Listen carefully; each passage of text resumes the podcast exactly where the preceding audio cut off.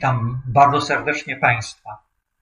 6 grudnia świętego Mikołaja odbyła się w Instytucie Historii bardzo ważna uroczystość.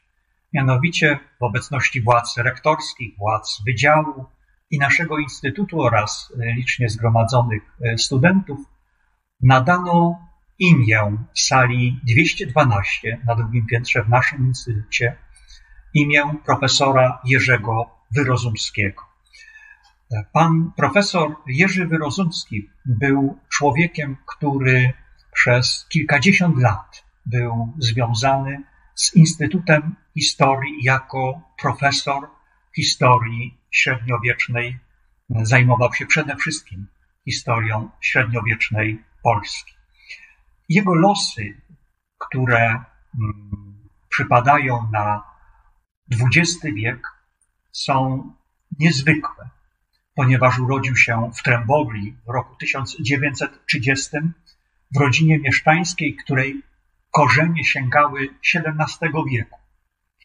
Ale wskutek wojny przybył do Polski właśnie już wtedy, ponieważ ta część znalazła się pod okupacją sowiecką, mm, z pierwszym transportem repatriantów 1 stycznia 1945 roku. I najpierw poprzez Przemyśl, potem przez Bydgoszcz, Szubin, Ksynię, Zieloną Górę, ostatecznie rodzina Wyrozumskich znalazła przystań w Koziu na Górnym Śląsku. E, Lesław Grzegorz Antoni Wyrozumski, bo takie imiona otrzymał na Chrzcie Świętym, w wyniku zamieszania związanego z repatriacją stracił swoje imię chrzestne, ponieważ jedynym dokumentem, który został zabrany z domu rodzinnego, było ostatnie świadectwo ze szkoły z błędnie wypisanym imieniem Jerzy zamiast Lesław Wyrozumski. I sąd w 1949 roku pozbawił go tego imienia chrzestnego, zostawiając imię Jerzy Lesław Wyrozumski. Od tego czasu oficjalnie nosił to imię. Natomiast jego przyjaciele zawsze używali imienia chrzestnego. Jego droga na uniwersytet wiodła przez mm, gimnazjum, maturę, którą uzyskał w Koźlu na Śląsku, a w 1950 roku przybył na studia uniwersyteckie zmagając się z bardzo wieloma trudnościami materialnymi przede wszystkim w tym czasie.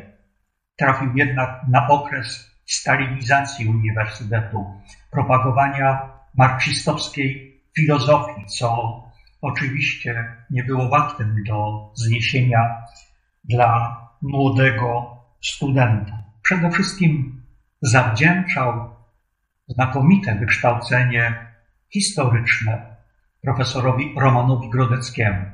To jeden z najwybitniejszych mediewistów, historyków zajmujących się średniowieczem e, okresu międzywojennego, który napisał wiele prac dotyczących mm, historii społecznej, gospodarczej.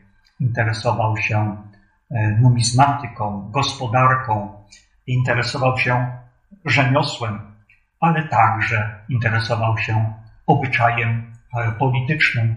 Napisał znakomity podręcznik do dziejów Polski średniowiecznej, używany w okresie międzywojennym, a także po II wojnie światowej, właściwie do lat 70. E, pierwsze prace, które pisał pod jego kierunkiem, właśnie dotyczyły e, zarówno górnictwa, przede wszystkim kopalni soli, handlu solą, to była jego praca magisterska. E, później jako doktorat zajmował się tkactwem małopolskim, również e, w późnym średniowieczu, zaś mm, pracą jego habilitacyjną e, była państwowa gospodarka solna w Polsce do schyłku XIV wieku. Szczególnie pasjonował się dziejami Krakowa pozostawił monumentalne dzieje Krakowa do schyłku wieków średnich, obejmujące wszystkie dziedziny życia miasta, jego powstanie, jego rozwój, przemiany urbanistyczne, ustrojowe, społeczne, życie codzienne, kulturę i sztukę, także rolę polityczną w szerokim kontekście europejskim. To właśnie e, dzieło jest po dzień dzisiejszy niezwykle e, użyteczne dla wszystkich, którzy interesują się i badają historię naszego miasta. Wiele wysiłków włożył w wyjaśnienie lokacji miasta, czyli jego początków e, przez ustanowienie aktem z 1257 roku Bolesława Wstydliwego właśnie instytucji miasta i podstaw jego samorządności. Później także wiele uwagi poświęcił postaci Kazimierza Wielkiego, który go pasjonował, zostawił jego biografię. Aż trzy wydania były tego dzieła, które po dzień dzisiejszy stanowi możliwie najpełniejszy obraz epoki kazimierzowskiej, dostępny dla szerokiego grona czytelników, nie tylko dla grona specjalistów. Także e, ogromne zasługi poczynił jako autor podręczników do dziejów Polski średniowiecznej. To, co zasługuje na szczególne podkreślenie, to jego historia Polski do 1505 roku, której pierwsze wydanie było w 1978 roku, z niezwykłą umiejętnością syntetycznego prezentowania wykładu, w którym sądy są bardzo wyważone, świadczące o gruntownej erudycji, napisane bardzo oszczędnym, ale pięknym językiem. Ta synteza, ten podręcznik stał się popularny ogromnie w latach 80., 90. Miał aż 13 wydań e, sięgających ponad 100 tysięcy. W sumie ta książka jest niezwykłym bestsellerem, ponieważ łączny nakład to jest około półtora miliona egzemplarzy. Po dzień dzisiejszy e, studenci historii średniowiecznej najchętniej sięgają do tego właśnie podręcznika, ponieważ daje on bardzo piękny i precyzyjny obraz dziejów Polski średniowiecznej. Profesor Wyrozumski miał niezwykły dar właśnie syntetycznego ujmowania rzeczy, co także znalazło w dziejach Polski Piastowskiej opublikowanych w 1999 roku w ramach Wielkiej Historii e, Polski.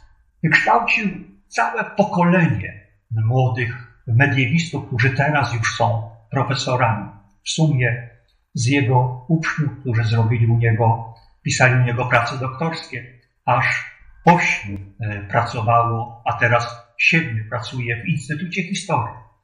To jest największa grupa profesorów zajmujących się głównie wiekami średnimi, ale także naukami pomocniczymi historii, która nadaje ton mediewistyce krakowskiej obecnie, a także ma duże znaczenie w nauce polskiej i e, również europejskiej.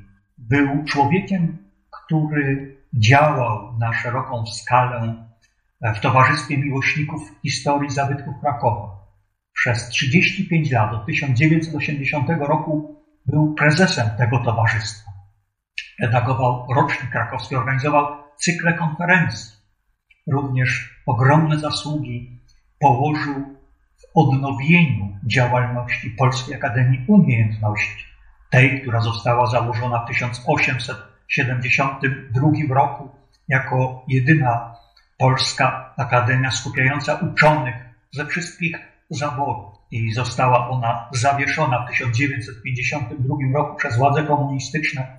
Profesor Wyrozumski, kiedy w 1989 roku pojawiła się możliwość odnowienia jej działalności, przystąpił do bardzo energicznych działań, był jej sekretarzem generalnym czyli tym, który zarządzał całą Akademią przez 21 lat od 1994 roku do 2015 roku.